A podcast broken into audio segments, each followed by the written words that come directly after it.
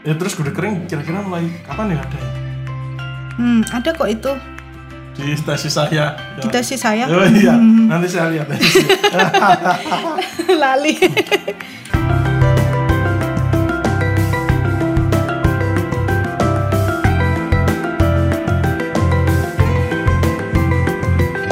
Assalamualaikum, Kulon Wun bertemu kembali di Temu Konco Podcast obrolan saat bertemu kawan. Syap.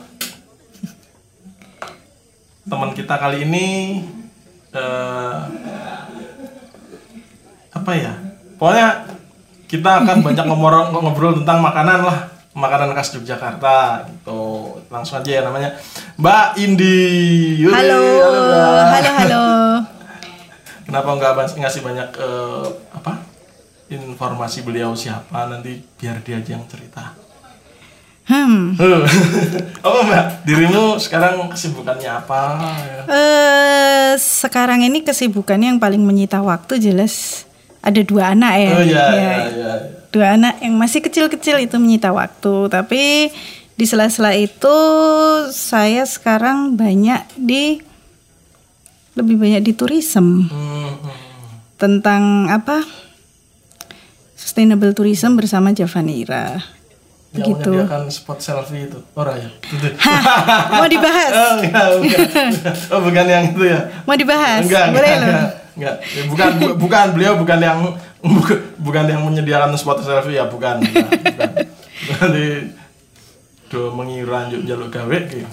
Jadi eh, iya Mbak ini nih dia eh, Dulu ini pe- pegiat ya, pegiat. saya juga jadi kontributor makanan kuliner. Nah, itu makanan kuliner. Jadi selain turisme, turisme dia juga beliau juga eh, sering nulis nulis tentang kuliner gitu di media-media nasional. Bahkan tesisnya ketika S2 itu ngobrolin tentang gudeg saudara-saudara. Ya apa? Iya. Kenapa sih kok dari sekian banyak tema tesis nih ya? Kok sing dipilih gudeg? Hmm. Asal mulanya piye, Mbak? Asal mulanya awalnya kan se- sebelumnya saya ngambil kuliah itu kan juga karena benar-benar murni ketertarikan ya. Saya ngambil kuliah di antropologi UGM. Jadi orang mergane peluang pesaing ya. Wira Bukan. S1. Itu S1. Iya, iya. Nah, S2-nya ini saya eh, rada melompat dari jurusan S1. Terus saya tertarik sekali untuk membahas tentang kuliner terkait dengan ke- kesibukan saya waktu itu sebagai ya kontributor untuk tulisan kuliner lah, seperti itu. Lalu kenapa gudeg? Soalnya suatu hari di masa lalu itu saya pernah ngobrol-ngobrol sama seorang kawan. Nah, terus eh, obrolan kita sampai di area gudeg Jogja eh, apa namanya? ku, ikon kuliner dan sebagainya dan itu langsung kayak terbersit kenapa ya kok gudeg ini bisa jadi sebegitu hebohnya di Jogja gitu. Padahal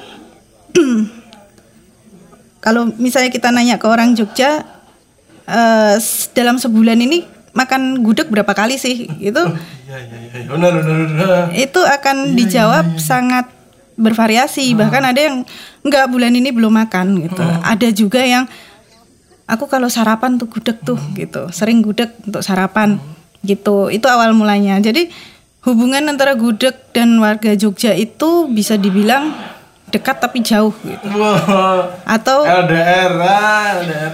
dekat. Oh dekat ya. Enggak LDR tapi jauh. Jauh.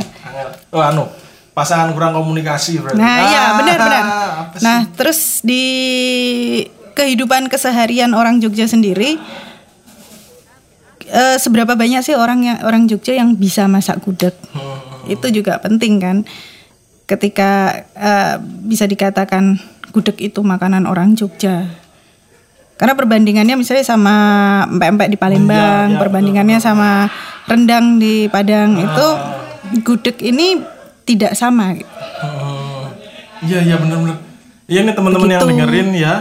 Misalnya eh, teman-teman orang Jogja gitu, asli Jogja atau lagi ada di Jogja tapi udah lama itu. Coba diingat-ingat dalam sebulan terakhir berapa kali coba makan gudeg? itu bandingin sama teman-teman kita yang ada di Palembang misalnya yang dia lahir besar dan hidup di Palembang sekarang tanyain dalam sebulan terakhir berapa kali dia makan pempek pasti ya nggak pasti cuman aku pernah iseng nanya gitu frekuensinya malah Memang tinggi kan? lebih tinggi yang teman-teman Palembang makan pempek ketimbang yang orang Jogja makan gudeg gitu Ya, bahkan ada penelitian yang ada kerusakan gigi akibat cuka itu di mana? Di Pa- Palembang, Palembang itu. Iya, karena seringnya mereka menyantap pempek dan cukonya itu. Iya, iya. wajar Pak Pak. jadi eh, makanan khas Palembang ya karena sering dikonsumsi kalau gudeg Uniknya lagi nih, oh iya iya, iya. Adakah perkebunan nangka di Jogja? oh iya. Kebun nang nek bakulnya ada tuh yang Nah, Batu ada supplier. Eh, apa namanya? Dia pengepul, dan supplier. Tapi kalau khusus perkebunannya gitu, itu kan belum ada. kebun nangka Pernah di di apa itu namanya sama UGM pernah di diusulkan atau udah nggak tahu sekarang udah udah jadi dibuat apa belum? Kebun nangka ono ya. perkebunan nangka untuk Nangka supply sustainable gudeg, gudeg karena karena eh, akhirnya Jogja kehabisan nangka dan kadang dia ngambil dari daerah yang jauh dari Jogja. Hmm, hmm, betul betul betul betul Aku lupa di mana aja tapi ada itu di, di tesis. Hmm, Dia tidak terus ngambilnya tuh dari Jogja aja. Jogja ya. iya enggak apa perkebunan gudeg yang masif kan di Jogja nggak ada Nggak ada. Oke, sebenarnya nah, kemudian gudeg itu apa sih terus? Kenapa dibilang gudeg Jogja? Padahal kan ada gudeg Solo juga. Ada Hmm. Gudeg Solo, terus mana lagi? Pernah main-main di Purworejo juga ada gudeg gitu-gitu. Ja- Janjani gudegnya apa tuh?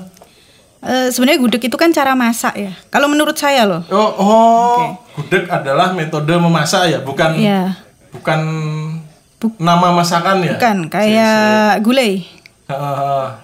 Gulai ayam bisa diganti gulai kambing. kambing bisa diganti gulai Jogja. Enggak ya? Gulai Jogja enggak ada. Hmm, gitu, tapi udah. Tapi- jadi eh, dia metode memasak beda seperti soto. Oh, itu metode. Jadi gudeg adalah metode memasak, bukan nama masakan ya? Ya. Kalau kita bandinginnya seperti itu, kita bandingin sama soto. Hmm, Soto ada soto soto mana itu? Lamongan yang beda sekali sama soto Betawi yang beda sekali sama soto apalagi itu. Cara masaknya beda, cara ininya beda dan hasilnya pun beda. Tapi kalau gudeg itu di mana pun gudeg akan ya kayak gitu-gitu aja gitu. Kecuali isiannya diganti karena metode memasaknya sama, hmm, metode bahannya sama, Iya, iya, iya, iya. seperti itu. Jadi gudeg adalah cara memasak ya? Bukan? Lebih, Leb- lebih seperti itu. lebih ke cara Cara bahan dan cara pengolahan lah. cara pengolahan ya. Iya. Apa ya kayak apa misalnya ya? Kayak gulai. Kayak gulai ya, kayak gulai kayak tongseng, tongseng kambing, tongseng ayam gitu ya. Jadi sebenarnya tongseng itu bukan cara bukan nama tapi metode memasak. Ya, dimasak apa? Masak tongseng gitu kan. Oh iya iya, masuk masuk masuk. Oke oke. Nah terus terus sehingga banyak variannya ya. Yang aku tahu sih, ya gudeg nangka jelas. Terus ada gudeg apa? manggar. Manggar. Yang katanya itu tuh. Yang gosip-gosip nggak apa-apa sih soal nggak nyebut nama orangnya ini. Wah. Aku aku malah nggak tahu yang nyop yang ngasih Ya tahu siapa. Oke terus apa lanjut. Terus gudeg ada gudeg yang masih ada di Jogja itu gudeg ketela. oh iya ada. iya. Iya iya iya iya itu. Ini teman-teman Jawa Cana Arab nulis gudeg ketela ya gitu. ya. Keranggan itu. Mm-mm. Hmm. Gudeg singkong itu. Mm-mm. Gudeg singkong terus terus akhirnya gudeg ini karena dia sebagai unggulan di Jogja akhirnya pariwisata sangat merespon ya dari dulu pariwisata bahkan salah satu eh, pariwisata salah satu apa itu yang yang justru mengangkat gudeg ini menjadi ikon. Nah sekarang dilanjutkan oleh para pemilik hotel, industri hotel lah. Dia menjadikan gudeg sebagai makanan di hotel mereka dan Standar mereka ya. bukan standar, tapi mereka berusaha berinovasi dengan Oh gudeg. iya iya. iya. Akhirnya keluar gudeg jantung pisang waktu itu, gudeg jamur, gudeg jamur ada di Je- boleh boleh nyebut merek. Boleh enggak apa-apa, enggak apa. Gudeg jamur ada di Jejamuran. Oh di jam Nah, eh, Pak Jejamuran ini di anu atlet ya, ada tari. Ada ya di sana. Baru aku belum Udah pernah. lama, udah udah lama banget. lama ya? Dari awal dia ada jem- Jejamuran Jejamuran itu itu ada ada, dia ya? punya gudeg jamur. dicoba, perlu dicoba. Terus eh di sini pokoknya kalau enak kita boleh nyebut namanya kalau kita nyacat nggak boleh nyebut oke. namanya Oke, oke, itu uh, rule-nya temu kerja podcast itu gitu nah enak nggak apa-apa dia nah, enak nggak boleh Nah, itu gudeg-gudeg itu akhirnya diangkat bah- ya itu yang yang hotel itu bahkan ada yang pernah sampai nyediain 9 varian gudeg gitu. Hmm. Dengan bahan yang beda-beda. Nah, di situ baru kelihatan bahwa gudeg itu sebenarnya metode masak. bukan nama masakan Bukan. ya Jadi kayak gudeg Jogja, gudeg Solo juga paling masalah kekentalan areh aja kan. Hmm. Gitu. Oke oke. Itu sedikit banyak tentang gudeg ya baru awal. Nanti sebentar lagi kita bakal nanya dari sekian banyak gudeg yang asli dan tempat-tempat eh, menjual gudeg itu sebenarnya yang asli sama yang otentik itu yang mana atau gitu. Akan kita lanjutan setelah berikut ini.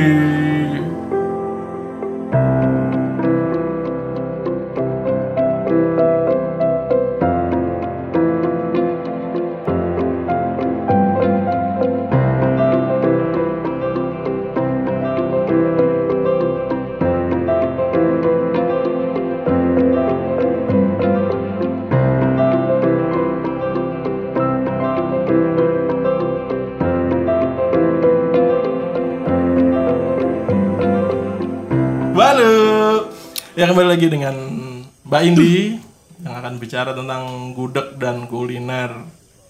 Tapi nggak semua kuliner ya kan gudeg. Ya, kalau mau bisa. Eh, nanti gitu. episode berikutnya, episode berikutnya ada lanjutannya. Sabar, sabar. Oke, tadi tentang gudeg yang ada macam-macam itu berarti gudeg itu aslinya mana? Ayo. Enggak kan maksudnya ada- ada gudeg manis tuh, yang Jogja gudeg manis. Terus jari ini katanya katanya kalau Solo itu yang eh, warnanya agak putih itu ya, itu yang sehingga rasanya jadi gurih itu gudeg Solo gitu. Tenane. Anda tahu? Piye, piye. kan itu yang saya tangkap. Pada akhirnya kan otentisitas itu tidak begitu penting lagi gitu ya. Oh, no. Iya. Gue duit. Nah, itu mau, itu mau dilanjutkan ke arah situ pembahasannya. Enggak, eh, tapi mi- misalnya kalau dari sejarahnya itu kan gudeg itu menurut suatu penelitian itu berasal dari kata hangudeg kan. Hangudeg itu mengaduk ya. Mengaduk. Jadi itu gudegnya diaduk, tapi nggak tahu ya itu benar atau enggak. Ya maksudnya itu penelitiannya ada gitu. Bukan yang gude, itu yang gojekan-gojekan tuh. Gudeg. Bukan. Bojo Jawa, oh ya ya.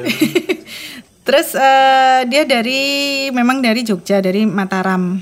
Apa dulu daerah kota gede, dia bongkar apa itu alas kebun mentau apa apa itu Alas Terus- mentau. alas mentau itu kebun. Terus eh, banyak sekali nangka dan terus diolah menjadi gudeg, hangudeg terus dia jadi gudeg. Eh, itu singkatnya seperti itulah. Itu menurut ceritanya, sejarahnya. Tapi terus kalau kita bicara tentang otentisitas kan eh, nggak ada juga ya resep yang maksudnya yang nyiptain dia siapa kok orang bisa bilang ini yang otentik yang mana itu kan nggak tidak lagi ter bisa ter apa ya? Terdeteksi ya. terdeteksi iya. Pada akhirnya kan kita menerima apa yang yang kita tahu tentang gudeg yaitu yang otentik. Nah keluar dari itu itu baru bisa kita bilang tidak otentik. Contohnya misalnya kita udah sangat biasa dengan gudeg nangka Hmm. ya itu jadi otentik. Karena nggak pernah ada orang buat gudeg jamur kecuali ya di jejamuran tadi itu jadi tidak otentik kan kayak gitu Menurut kita. menurut kita tapi ya nggak tahu misalnya zaman dulu itu ada yang buat satu orang abdi dalam dia buat gudeg Jamur. jamur Tong. nah, Bar- Bareng gudeng juga mabuk. nah Ya, siapa ya, tahu ya. kan Jadi sebenarnya ya terus kenapa banyak banyak orang ngomong coba deh kalau lihat se- selebgram terus tulisan-tulisan kuliner itu kan mesti "Oh, itu nggak otentik ya kan pasti lihat dong di Twitter buat dia yang ada eh, selebgram yang eh, buat sokol ahli kuliner gue eh, makan apa, ya, gudeg apa atau soto apa di mana gitu terus Tidak otentik. "Oh, nggak otentik kan harusnya soto ini nganggo deplokan apa ngono-ngono gue itu.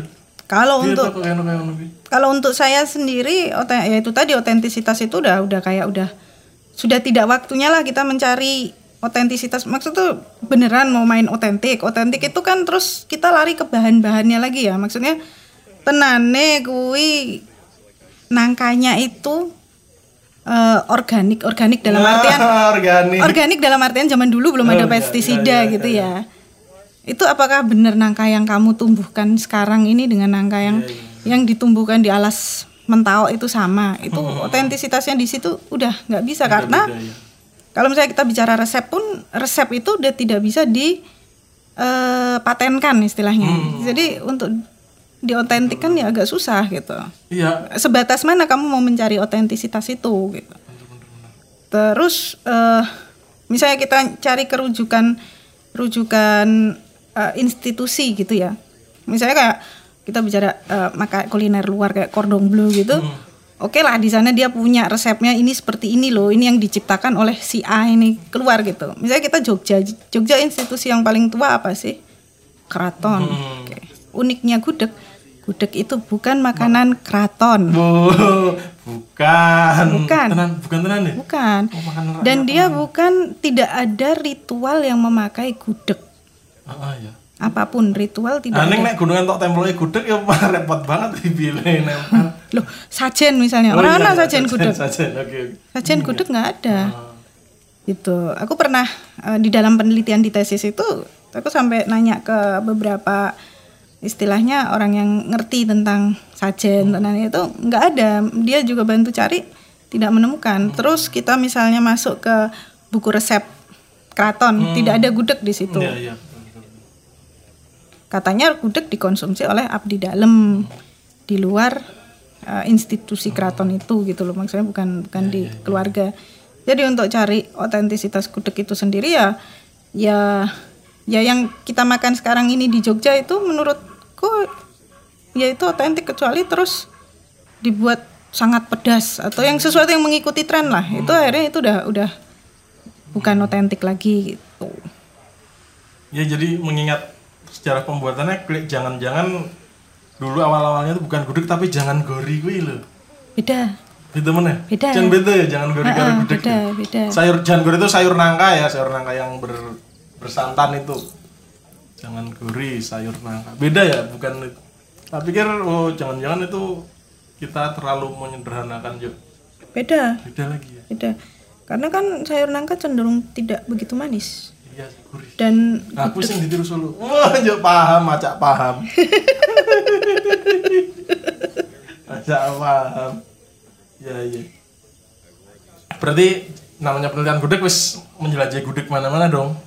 sebagian besar sih enggak enggak yang terus semua gitu enggak juga Ini kena diabetes itu. Eh, Nah, maksudnya teman Eh, saya Mas. di episode terdahulu yang Oke. makan kelapa itu bener gimana dia kena kolesterol yang jeglek ya. jadi dulu tuh saya pernah diberi nasihat oleh seorang dokter diet Eh, mbak liputan itu nyicipi pomangan Oh, nah gitu. itu loh Oh, masalahnya Iya, iya. Nah, Mas nyicipi Gundi wi nyicipi pemangan. Nah. Mas Gundi nyicipi pomangan mas mangan gitu Jadi untuk menghindari kayak ngono nyicipi ya. nyicipi kan mang Ya ya ya. ya. Ini gimana mana? Tuku sak piring wing dia dulu. jangan sendirian Oh gitu. rame-rame Ramai-ramai. Eh, foto satu aja masuk pesen satu di foto orang tujuh masukkan Instagram masing-masing ya kan Dan bubar warungnya. Genep lima tahun nih bubar. oh iya, berarti dari dari apa?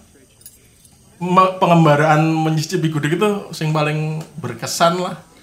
ada satu Kalau enak kan anu ya apa anu tes lah ya ras, selera ah, selera selera yang- Nah, yang paling aku suka songji Songji itu di mana? song Songo siji kan serius. kosong siji Iya kosong siji kosong siji. Eh, serius itu. Ora aku orang mikir karena belum pernah nyoba aja sih gitu. Bukan. menurutku Sorry loh sing bapak-bapak ibu-ibu yang saya belum pernah ke situ. itu di Karagudian itu ya. Hmm, aku pernah lihat, pernah Ya. lihat songji kok song kosong siji, songo siji. Iya kosong siji. itu menurutku enak karena enak loh ya ini tes Ah, karena eh, rasanya gurih hmm, oh, manis gurih ya. eh, manisnya tidak terlalu manis dan dia itu un, dia tuh bukan bukan Jawa yang yang buat. Tapi? Bukan maksudnya bukan itu bukan punya orang Jawa gitu. Jadi tesnya tuh jadi unik gitu oh ya ya ya ya ya. lebih berani. Lebih ya ada tes luar yang masuk yang tidak otentik kali ya. Enggak. Song- tapi ada tidak otentik. otentik otentik otent- otentik otentik otentiknya Songji. Angel juga bukan karena ngomong sing sok otentik ya. Otentiknya Songji ya itu. Jangan dicacat. Oh gitu. Jadi emang enak tapi meh nyacat apa enak Oh ya ya ya. Nah, kita coba Songji. Nek nek gudeg paling ambiar. Eh ojo sebut jenenge tapi. Soalnya Gudeg ini kan. Ambiar itu yang ngono. Enggak, Nanti- gini, Nanti ambiar uh, off the record. bukan bukan gudeg paling ambiar tuh bukan masalah tempat kalau menurutku gudeg ambiar adalah gudeg yang diinstankan bukan gudeg kaleng ya beda Hmm. gudeg kaleng tuh masaknya soalnya tetap nggak instan Oh gitu. masaknya dapurnya itu kan dia tidak instan Tapi apa? Cuman masalah packaging ya yang gudeg kalian Ah, itu ya. ah, ah, masalah kemudian bagaimana penyajiannya itu jadi instan tapi masaknya tenanannya itu ya. orang-orang instan Bukan instan ya, saudara Bukan instan. Bukan instan yang Nah, yang instan yang gimana? Nah, yang instan adalah gudeg yang gudeg itu kan cara masaknya nggak bisa yang kayak setengah jam selesai gitu Iya, ya. iya, iya, iya. Nah, dan alat-alatnya tuh kayak ya memang merepotkan sih gitu kayak gede-gede terus Iya. harus lama, Naruh api harus nyala terus. Nah, Yang- menurut ambiar menurutku adalah gudeg yang dimasak dengan magic jar. Loh, banyak itu. Coba Ada. cari, coba cari di resep-resep. Iya. Masak gudeg dengan praktis gitu, coba. Iya. Itu ada nanti magic jar apa apa ya itu. Pokoknya ya itulah penghangat itu kayak kayak slow cooking gitu, tapi coba praktis gitu. Eh kalau pakai slow cooker juga nggak nggak ngefek ya? Slow cooker belum pernah. Mana-mana slow cooker ya? Enggak juga sih. Coba di, di, eh, rice cooker Rice gitu atau cooker, atau atau memasak magic jar gitu. Magic jar. Magicom. Nah. Magic ser. Ah. Nah. Oh iya ya. Oh, ada. Oh iya ya. Oh iya ya. Iya iya iya iya. Itu nggak enak ya pasti ya. Bukan nggak enak sih, ya itu kan balik lagi tergantung resep Rasa ya. ya. Tapi itu eh, instan ya. tapi teksturnya segala macam kan kurang jadi kayak kurang resep, kurang Hmm. kurang apa sih langu apa apa itu, kurang ini kurang lama lah gitu rasanya tuh kurang tua tua. Kurang tuh lah. Ya, ya, ya, Gitu. ya. Karena itu instan sih masalahnya ya. Walaupun kalau cuma sekedar gue kangen-kangenan misalnya lagi di luar kota atau apa yo yo nggak nggak masalah juga sih nggak perlu dihakimi bully oleh netizen nggak perlu. Iya. Saya pernah ke Aceh terus kangen gudeg. kangen gudeg secara lama nggak pulang kangen gudeg. Cari cari-cari ternyata ada sebuah warung kecil yang bilang kalau ini menjual gudeg Jogja gitu. Warung kecil banget. yang jualnya orang Jawa sana semangat dong bayangannya gudeg. Sing tuh jangan gori. Iya ndak apa-apa ya biar oke. Manis nggak? Gurih? Gurih. Gurih. bener-bener sayur gori sayur Eh. gori bukan bukan gudeg ya. Jadi gudegnya masih abu-abu itu bukan yang kelam kuno. Coklat. Coklat oh, oh. tuh. Oke, berarti masalah otentik. Nggak bisa bilang otentik ya. Kalau kita termasuk aliran yang ner cari otentik ya abot lah nek tenanan meh golek ya cari yang otentisitas. ke belakang ke belakang. Karena iya ya buku pernah tak liatin ya buku resep yang tahun 38 itu yang dapat dari Heeh, heeh. Reksa Pustaka Solo itu eh, resep-resep yang ada di sana Wih belum belum ada yang pakai ini, belum ada yang pakai Pepsin, belum ada yang pakai MSG. wih. otentisitasnya di mana terus udah gitu kan mereka juga ini kadang-kadang kan resep resepnya kebanyakan kan nggak ada takarannya Nggak ada. Jadi cuma gori bla bla bla bla bla Cemplung, gitu cemplang Ki. cemplung nah, wih. Satu genggam masih genggaman siapa nih? gajah mada genggaman gajah mada angel. Itu masalah ini bener-bener nggak bisa. Aku juga kalau ketemu sama orang, ini rawat otentik udah nggak nggak tak balesin wis males nah karena beda ya. kalau menurutku selama itu masih di dalam batasan yang maksudku yang yang yang apa ya yang area yang normal gitu masih wajar sih. Tapi kalau misalnya udah udah mm, ya kayak tadi gudeg diomong ke apa gori jangan gori dibilang gudeg ya itu emang udah melenceng gitu kan itu udah karena jauh Ah, ya Aceh, bukan sih, terima- terima. ini bukan sih jangan gori. Bukan gudeg sih gitu. Jangan gori bukan gudeg.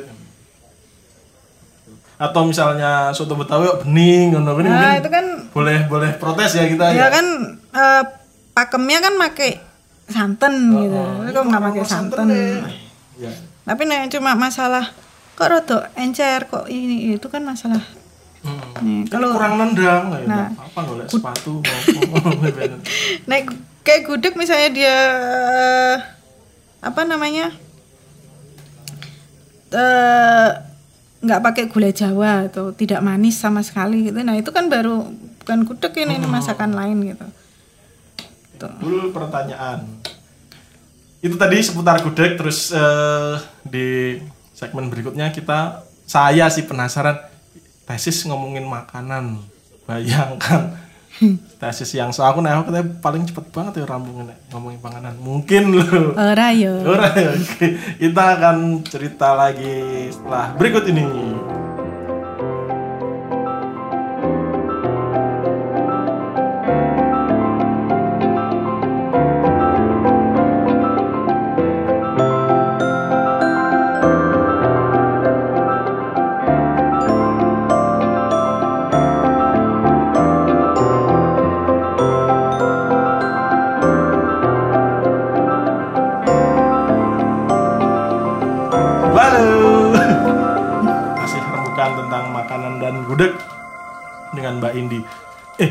Sebenarnya itu itu beneran tesisnya tentang gudeg itu beneran. Mm-mm. Judulnya kalau boleh tahu apa?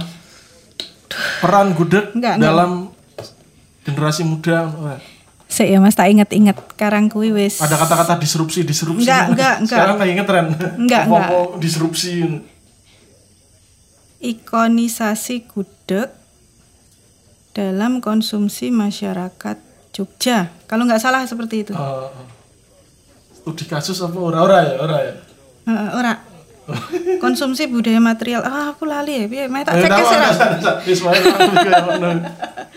Itu bener kayak gitu ya tentang, Iya, tentang iya. gitu. Jadi intinya tuh sebenarnya bukan murni makanannya yang dibahas. Maksudnya bukan aku terus ngulik "Bet, seberapa otentisitas-kah gudeg Jogja ini bukan seperti itu, tapi lebih ke eh gimana sih kok gudeg ya itu tadi loh eh, gudeg itu jauh tapi dekat eh, dekat tapi jauh gitu kayak hmm, gimana sih hubungan? Karena antropologi ya kan jadi masyarakat kok, apa budaya gitu ya. Kita bahas gimana sih mm, pemaknaan orang Jogja itu terhadap gudeg. Gimana sih orang Jogja ini menyikapi gudeg? Gimana gudeg ini bisa jadi ikon Oh, itu jadi icon kuliner Oh, di ya. Jogja Oh, iya. oh, seperti itu. Nah itu dilihat paling enak dari konsumsi Makannya gudeg kuwi. Ah, ah, pakai teori nggak usah ya Oh, teori nggak usah ya oh ber- berarti kuliahnya di Pusing, antropologi, S2-nya antropologi. iya iya Ono bab panganan, eh sakjane ora Eh. maksudnya bukan mm, bukan sakjane enggak tapi kuliner 2 SKS, enggak ngono, ora. enggak enggak jadi gini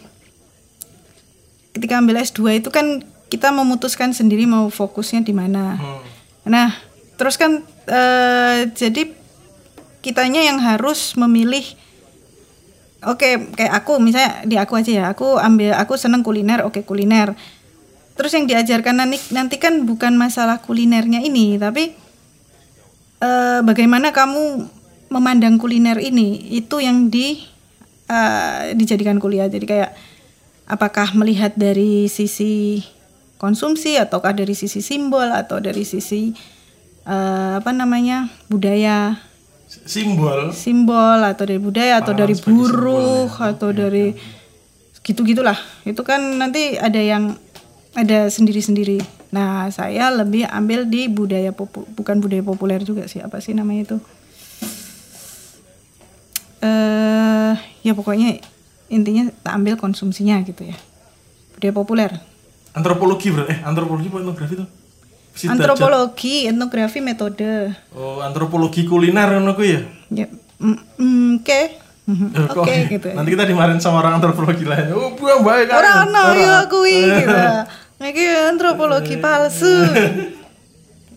Enggak ikut-ikut aku. Antropologi terus etnografi itu metodenya. Ya, metodenya. Etnografi kuliner. Eh, etnografi itu untuk untuk menelitinya. meneliti etnografi untuk mengupas kuliner kui mau Oke, leres. oke ribet ya Ribet. berarti apa dari penelitian dia itu gu- gudeg Jadi gini, kita enggak ya orang gudegnya ya bukan gudegnya orangnya, Wongnya. orangnya bagaimana dia menyikapi gudeg gitu kan sebenarnya. Tapi dari situ kan kita harus belajar tentang gudegnya, tentang sejarahnya gudeg, tentang Oh. sebagai dasaran dulu kan kita belajar tentang sejarah gudeg, perkembangan gudeg segala macam. Habis itu kita juga belajar tentang eh, lewat biasanya lewat wawancara, lewat kuesioner, lewat pengamatan sehari-hari. Itu kita eh, mencari tahu lah gimana masyarakat Jogja itu menikmati tanda kutip gudeg Hmm. gimana mereka bisa eh, hub- gimana hubungan mereka dengan gudeg dulu dan sekarang terus eh, dari oral history juga kita juga bisa jadi bisa tahu dulu tuh gudeg itu seperti apa sih ini terutama untuk eh, ke orang-orang yang sudah sudah lama hidup Hmm. jadi kebayang kasepuhan Kasep- jadi kebayang gudeg itu nggak seperti sekarang terus gitu. Maksudnya zaman dulu itu gudeg seperti apa? Apakah dia juga juga seheboh sekarang atau zaman dulu tuh gudeg itu panganan murah, Mbak gitu. Hasil hasilnya pak kesimpulan besarnya apa penelitian ini Eh adalah panjang ya, Mas. Bah, satu bab Satu kesimpulan dan saran Nggak, itu jadi eh dari sejarah dulu ya. Sejarahnya itu zaman dulu itu gudeg kan kita nggak bicara zaman alas mentau ya. Kita langsung aja bicara zaman pra kemerdekaan kemerdekaan gitu. Hmm. Terus eh, itu gudeg ya dikonsumsi sehari-hari. Dan sehari-hari ya Sehari-hari karena banyak sekali nangka. Hmm, masih banyak nangka dulu Banyak itu. kebun, kebun, kebun. Orang tuh mesti punya kebun dan di kebun Kebunnya itu mesti ada kebanyakan ada pohon nangka dan nangka itu akan jatuh dan terus dimasak entah jangan kori, entah gudeg. Nah, terus masuk di era eh, mahasiswa mulai ada di Jogja. Hmm. Gudeg itu jadi santapan pagi, sarapan itu ya sarapan dan murah dia. dulu. Murah sekali. Jadi kayak oh, karena banyak gori mm-mm, jadi murah. Jadi murah. Nah, terus dulu itu tahun piro kira-kira? Itu sekitar tahun UGM tuh awal tuh berapa ya? 49 49 nah mulai situlah. Mulai kayak situ. ketone aku cah UGM Hmm. aku kayak tak peduli karo UGM gitu. Dari tahun-tahun segitu. Terus eh terus banyak sekali mahasiswa yang makannya tuh gudeg. Hmm. karena kebutuhan hidup bukan karena wow gudeg masuk Instagram aku makan gudeg Keren. hari ini gitu. Kan gitu tapi itu ke kehidupan sehari-hari lah. Itu harus makan harus eh, mencari yang murah gudeg. Jadi gudeg yang murah. Mm, itu itu banyak untuk sarapan. Akhirnya terus selang waktu berjalannya tahun dan segala macam orang-orang ini kan lulus ya. Hmm. Lulus kuliah. Dibawalah gudeg memori gudeg ini ke Daerah daerah-daerah asal asal mereka. dan mereka kebanyakan jadi seseorang di sana. Maksudnya entah jadi pejabat jadi apa memegang kepentingan dan menjadi orang yang terkenal dan punya masa dan punya segala macam gudeg ini terbawa ke sana. Termasuk ketika zaman apa itu Soekarno juga punya eh, Soekarno dan Soeharto dia punya punya langganan langganan gudeg gitu gudeg heeh. dan ketika dia datang dia akan bawa gudeg ke daerah sana. Nah ini juga cerita. Gudeg dulu itu gudeg basah. Ya belum ada gudeg kering ya berarti dulu ya? Belum. Baru ketika kebutuhan untuk gudeg kering itu muncul itu baru diciptakan gudeg kering. Kebutuhan gudeg kering ini karena kebutuhan orang-orang yang dari luar kota datang ke sini untuk bawa gudeg dibawa pulang mereka. Oleh-oleh. Sebagai oleh-oleh sebagai kangen-kangen dan segala macamnya. Keluarlah gudeg kering.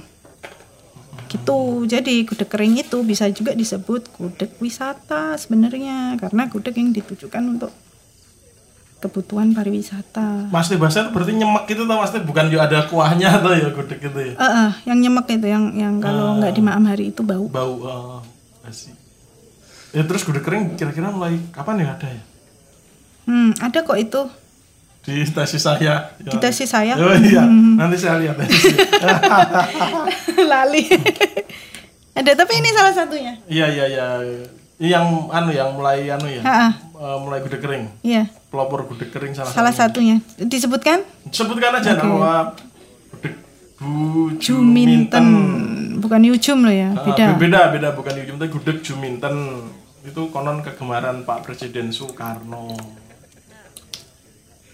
Juminten. Terus kalau Pak Harto apa ya? Biar kita adil. katanya podo deh Ada ya? eh kayaknya itu baca. coba coba aku lupa ya Jadi jadi kepo. kepo deh Eh sorry sorry.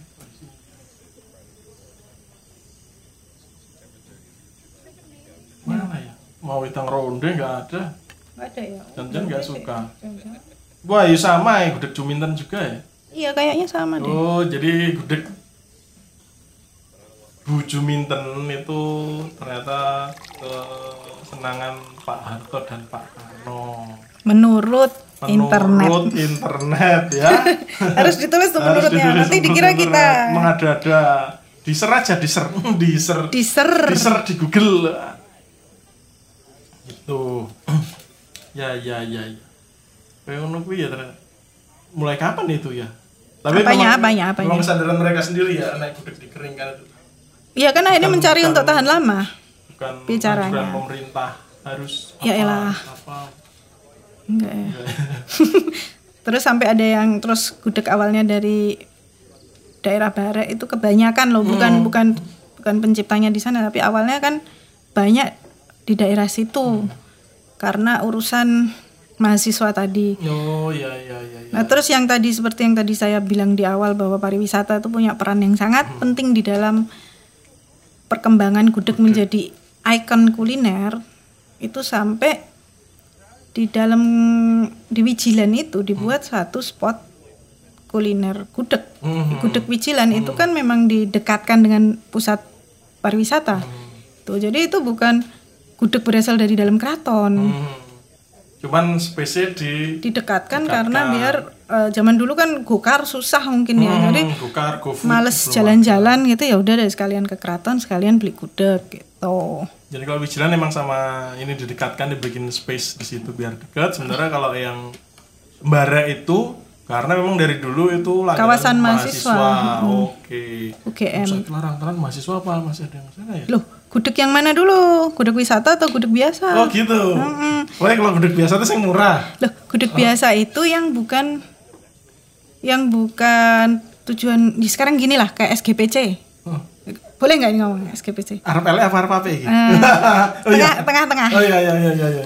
SGPC zaman dulu itu kan ya cuma nasi kasih kuah gitu Iya. kan terus oke kuahnya oke tem- tambahin tempe segala macam terus kan banyak sekali orang-orang Kasih bumbunya maksudnya. nah, orang-orang apa namanya eh, mahasiswa UGM yang terus jadi Dadi wong. ngono ya. wong terus dia balik ke sini dan SGPC gitu nah terus sekarang dia buka SGPC yang itu kalau mahasiswa beli di situ ya Allah mahalnya gitu Oh.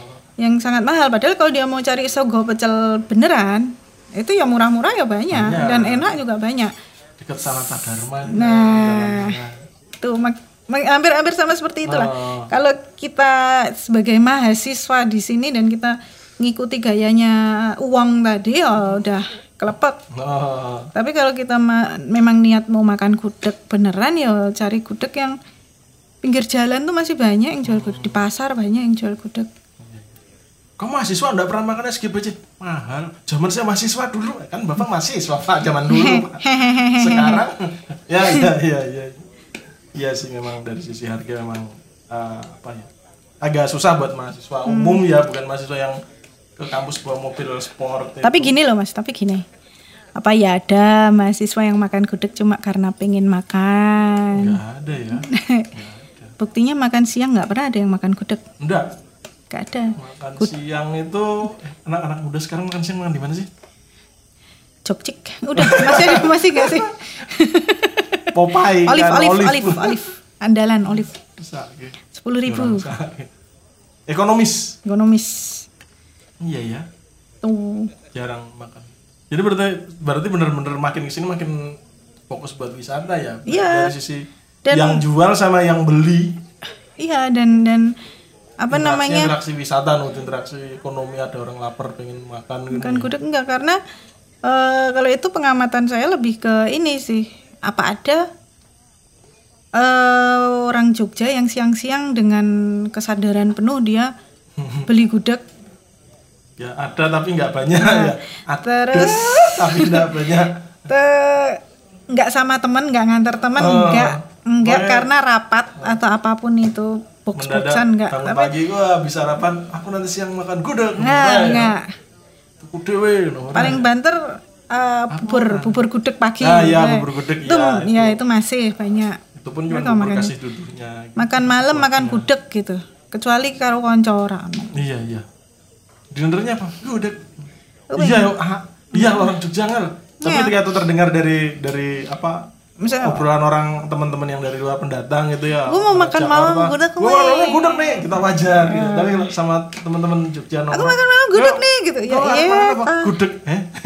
Mesti tenane gitu. Nah, nah, iya iya iya iya nggak iya, pernah iya, yang iya. terus Nah, nah. Ya, didukung gitu. Nah yang ya. tapi ini bukan masalah bener salah loh ya. Bukan bukan. Ini kan yang, ini yang kan masalah terus pada akhirnya hubungan kultur dan kecenderungan yang terjadi ya. Hubungan gudeg dengan masyarakat Jogja Nah, itu kayak ngono kuwi. ada di sebelahnya tapi komunikasinya jauh itu Komunikasi tadi. jauh, dekat tapi jauh ya terus sampai ke masak sekarang untuk anak-anak muda sekarang kalau ditanyain bisa masak apa biasanya bisanya masak apa? Indomie. Indomie oke. Sama telur ceplok lebih banyak bisa masak masakan Italia iya daripada sih. masakan pasta apa no Ah. gigi apa Oh, gitu ya. Eh, pasta spaghetti apa apa ngono kuwi maksudnya? Daripada masak gudeg iya, iya. untuk orang Eh, di rumah bisa Jogja masak gudeg orang? Enggak Oh, itulah bangga bocah ya. karena ibuku nggak pernah ngajarin aku masak Oh, gudeg iya, juga. iya. maksudnya Iya, aku tidak aku gitu. tidak melihat ibuku masak gudeg jadi aku tidak tidak aware dengan masakan Iya, gudeg. Oh iya anak- anak-anak di adik-adik di Padang uni-uni di Padang mereka biasanya diajarin orang tuanya masak rendang ya. yang pernah aku baca umur 10 udah diperlihatkan Ya, dengan ini loh metode masak sekitar rendang. umur segitu itu udah udah mulai Iya, iya. kenal dengan cara masak rendang kenal loh ya sekedar kenal Hmm. Istriku juga umur masih masih ini juga udah dikasih tau ibunya masak ini bumbunya iki banyak Hmm, ini Jawa Timuran. nah kalau Ini, jadi ter, terjaga nol kualitas. Iya ya. enggak nah gudeg pun di rumahku itu keluar juga aku orang Jogja ya aku orang Jogja lahir besar di Jogja sampai sekarang di Jogja Pernah keluar negeri bentar ding dia. Alah ya ampun ya terus terus, terus. Nah terus eh, apa namanya gudeg itu muncul kebanyakan kalau ada tamu dari luar kota Hmm, sebagai suguhan, Oh. bukan yang kayak Nyusing banyak dewe iku. Golek gudeg ning tiang. enggak udah punya langganan dong. Oh, di rumah punya. Nah, ibuku punya Oh, langganan iya, deket iya, rumah. Nah itu gudeg yang murah gitu, gudeg-gudeg harian gitu. Sehingga nek ana tamu sing nggo namu ngerti nek gue disuguh gudeg murah apa apa tadi. Ya apa pun lah. Ya, ya, Kan tamu keluarga, tahu. Oh, iya, aman, Malah aman. diajak ke sana. Oh iya iya iya. Gitu. Iya, emang unik juga. Tapi gudeg murah biasanya enggak yang kering gitu. Oh, yang basah, yang nggak awet lama. Gitu itulah keunikan gudeg dan warga Jogja dongdeng dongdeng dongdeng dong. Oke. Eh, teman-teman kalau ada yang punya minat tentang gudeg khususnya atau apa antropologi atau etnografi kuliner atau ngomong tentang kuliner tapi nggak tentang enak nggak enaknya tapi tentang sejarahnya mungkin kaitannya sama kehidupan sosial budaya masyarakat ekonomi mungkin Abot gue. abut ya ekonomi oh ras tuh kan ya udah tadi aja. Eh, Bisnis budaya. kuliner lo, berat. oh, oh ya masih angel ya nganggo SWOT. Analisa SWOT. Apa itu BMC? Iya tadi. Eh, yang pengen ngobrol tentang gudeg terus apa ngomongin kuliner ya tuh hubungannya nggak nggak tentang enak nggak enak tapi tentang budayanya gimana kaitannya dengan kehidupan masyarakat sosial budayanya gimana eh boleh lo langsung eh, menghubungi mbak ini boleh loh Boleh. boleh lewat mana mbak Lihat Instagram aja ya. Instagramnya adalah Aku lupa sih. aw karin Ah, ah, ah weh. ora Indi Karin. Eh. ini digolek Woi, ora ora ora ora ora. Sik to. Oh, underscore Indiani underscore. aku nih gini wae lali Apakah itu akan sering dibuka? Sering ya. Oh sering ya, tapi, lali lah ya. tapi jangan berharap IG-nya tuh isi makanan, loh ya. gitu. Isinya anak-anak. Underscore Indiani Underscore. Yes. Tuh, itu kalau mau tanya tentang gudeg, nanya kuliner, etnografi, antropologi kuliner sama beliau lewat situ bisa dicolek-colek aja loh. Ada yang keberatan mungkin dengan obrolan ini itu nggak bisa pak. Oh, protes silahkan langsung ke Mas Iwan. Oke, terima kasih Mbak Indi sudah berbagi tentang gudeg dan kuliner dan kelihatannya nanti mau tak tanya tentang Mbak Bia di episode yang akan datang. Jadi ditunggu aja minggu depan. Cepet. Matur nuwun nggih, Mbak. Ya. Sampai di sini temukannya podcast obrolan saat bertemu kawan. Sap. Wassalamualaikum. Paru.